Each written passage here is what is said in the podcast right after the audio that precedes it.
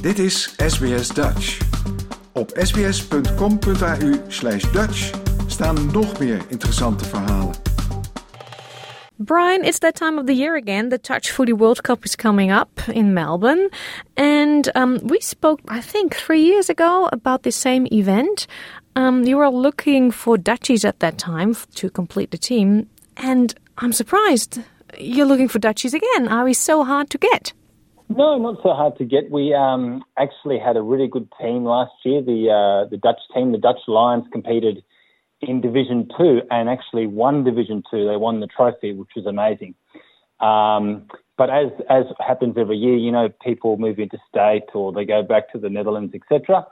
So we definitely need a few more players to make up the team for this year. Mm-hmm. I also saw a difference because I listened to our, our, our, chat from three years ago, and at that time it was seven aside. Now it's nine aside, so the teams are bigger. Yeah, we're trying to get to uh, open up for more people to play, so to go from seven to nine. Um, it's played on a rectangular field, so where we play the Touch Footy World Cup, it's on it's on a rugby field, so not as much running involved, which is great. Um, and being touch, it's non-contact. But yeah, we wanted to um, uh, give more opportunities to go from seven to nine. Now it may it may transpire that we decide to keep it at seven aside if if the teams all struggle with numbers. I mean, other teams are like Mexico, El Salvador, Switzerland, etc. We had 12 teams playing in the Touch Footy World Cup last year, um, but we are trying to get it to nine aside. Yeah, um, mixed teams, men and women, so everyone yeah. can uh, play. What are the um, recommended uh, skills you need to play this World Cup? Look, the Touch Footy World Cup, it says World Cup, but the, the World Cup part of it is you, people come from all over the world. They, they uh, move to Melbourne. Um, it's not like the World Cup of Rugby where you have to be an elite player and tackle and all that sort of stuff. It is a non contact event and a lot of our players um, have never played before. Uh, the event is, is basically designed as you get to represent your community and your country of origin in, in the Australian game. But do you have to have uh, AFL standard? No. If you've got no skill, um, you don't know how to kick a ball, you don't know how to handball, come along. We have training once a week and we'll teach you how to play. Yeah, no skills necessary. Um, I'm from the eastern part of the country, NRL territory. I don't understand anything when I watch AFL. I try sometimes, especially when the finals are on. In my opinion, you can do whatever you like. You can kick, you can tackle, you can do whatever on TV, right? Yeah. Well, look, the thing is, if people have never seen the game before, they think it's uh, a very violent game.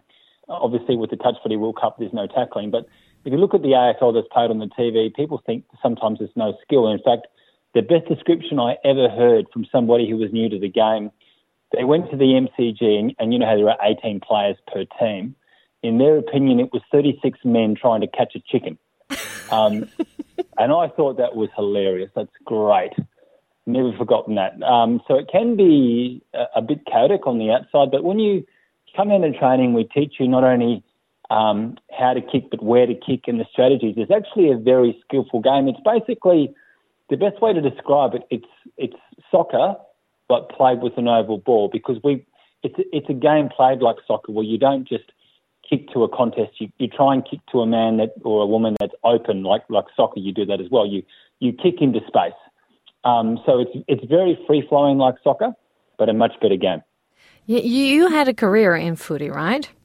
Uh, not at the AFL level, but I played 17 years of footy up in the NT. So I'm originally, uh, my mum's Dutch. I was born in Amsterdam. Uh, out of all places we could have moved to uh, in Australia, we moved to Darwin. So went from uh, quite cold to uh, bloody hot, and um, and footy is the number one sport up there by a long way. Mm, yeah. So, what drives you to organize this World Cup for all these people who maybe are not really confident with the sport to, you know, to organize this event? I just think sport's a wonderful thing for bringing people together, um, and particularly, you know, with with some of the um, some of the crap going on in the world at the moment, that that sport is just so good for bringing people together. Our trainings, which we run every Wednesday in the city, which is at Gosch's Paddock, which is right the rugby field right next door to the uh, soccer stadium, AAMI Park. Um, our trainings are attended by all different nationalities and cultures.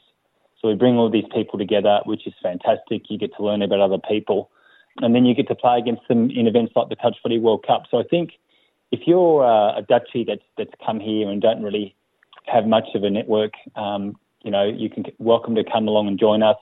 You might be a Dutchie that's been here for a long time and have always wanted to give Aussie rules a go as well. You're welcome to join us. But yeah, at the end of the day, what motivates me is yeah, just bringing people together. Yeah, ever thought about bringing the sport to the Netherlands?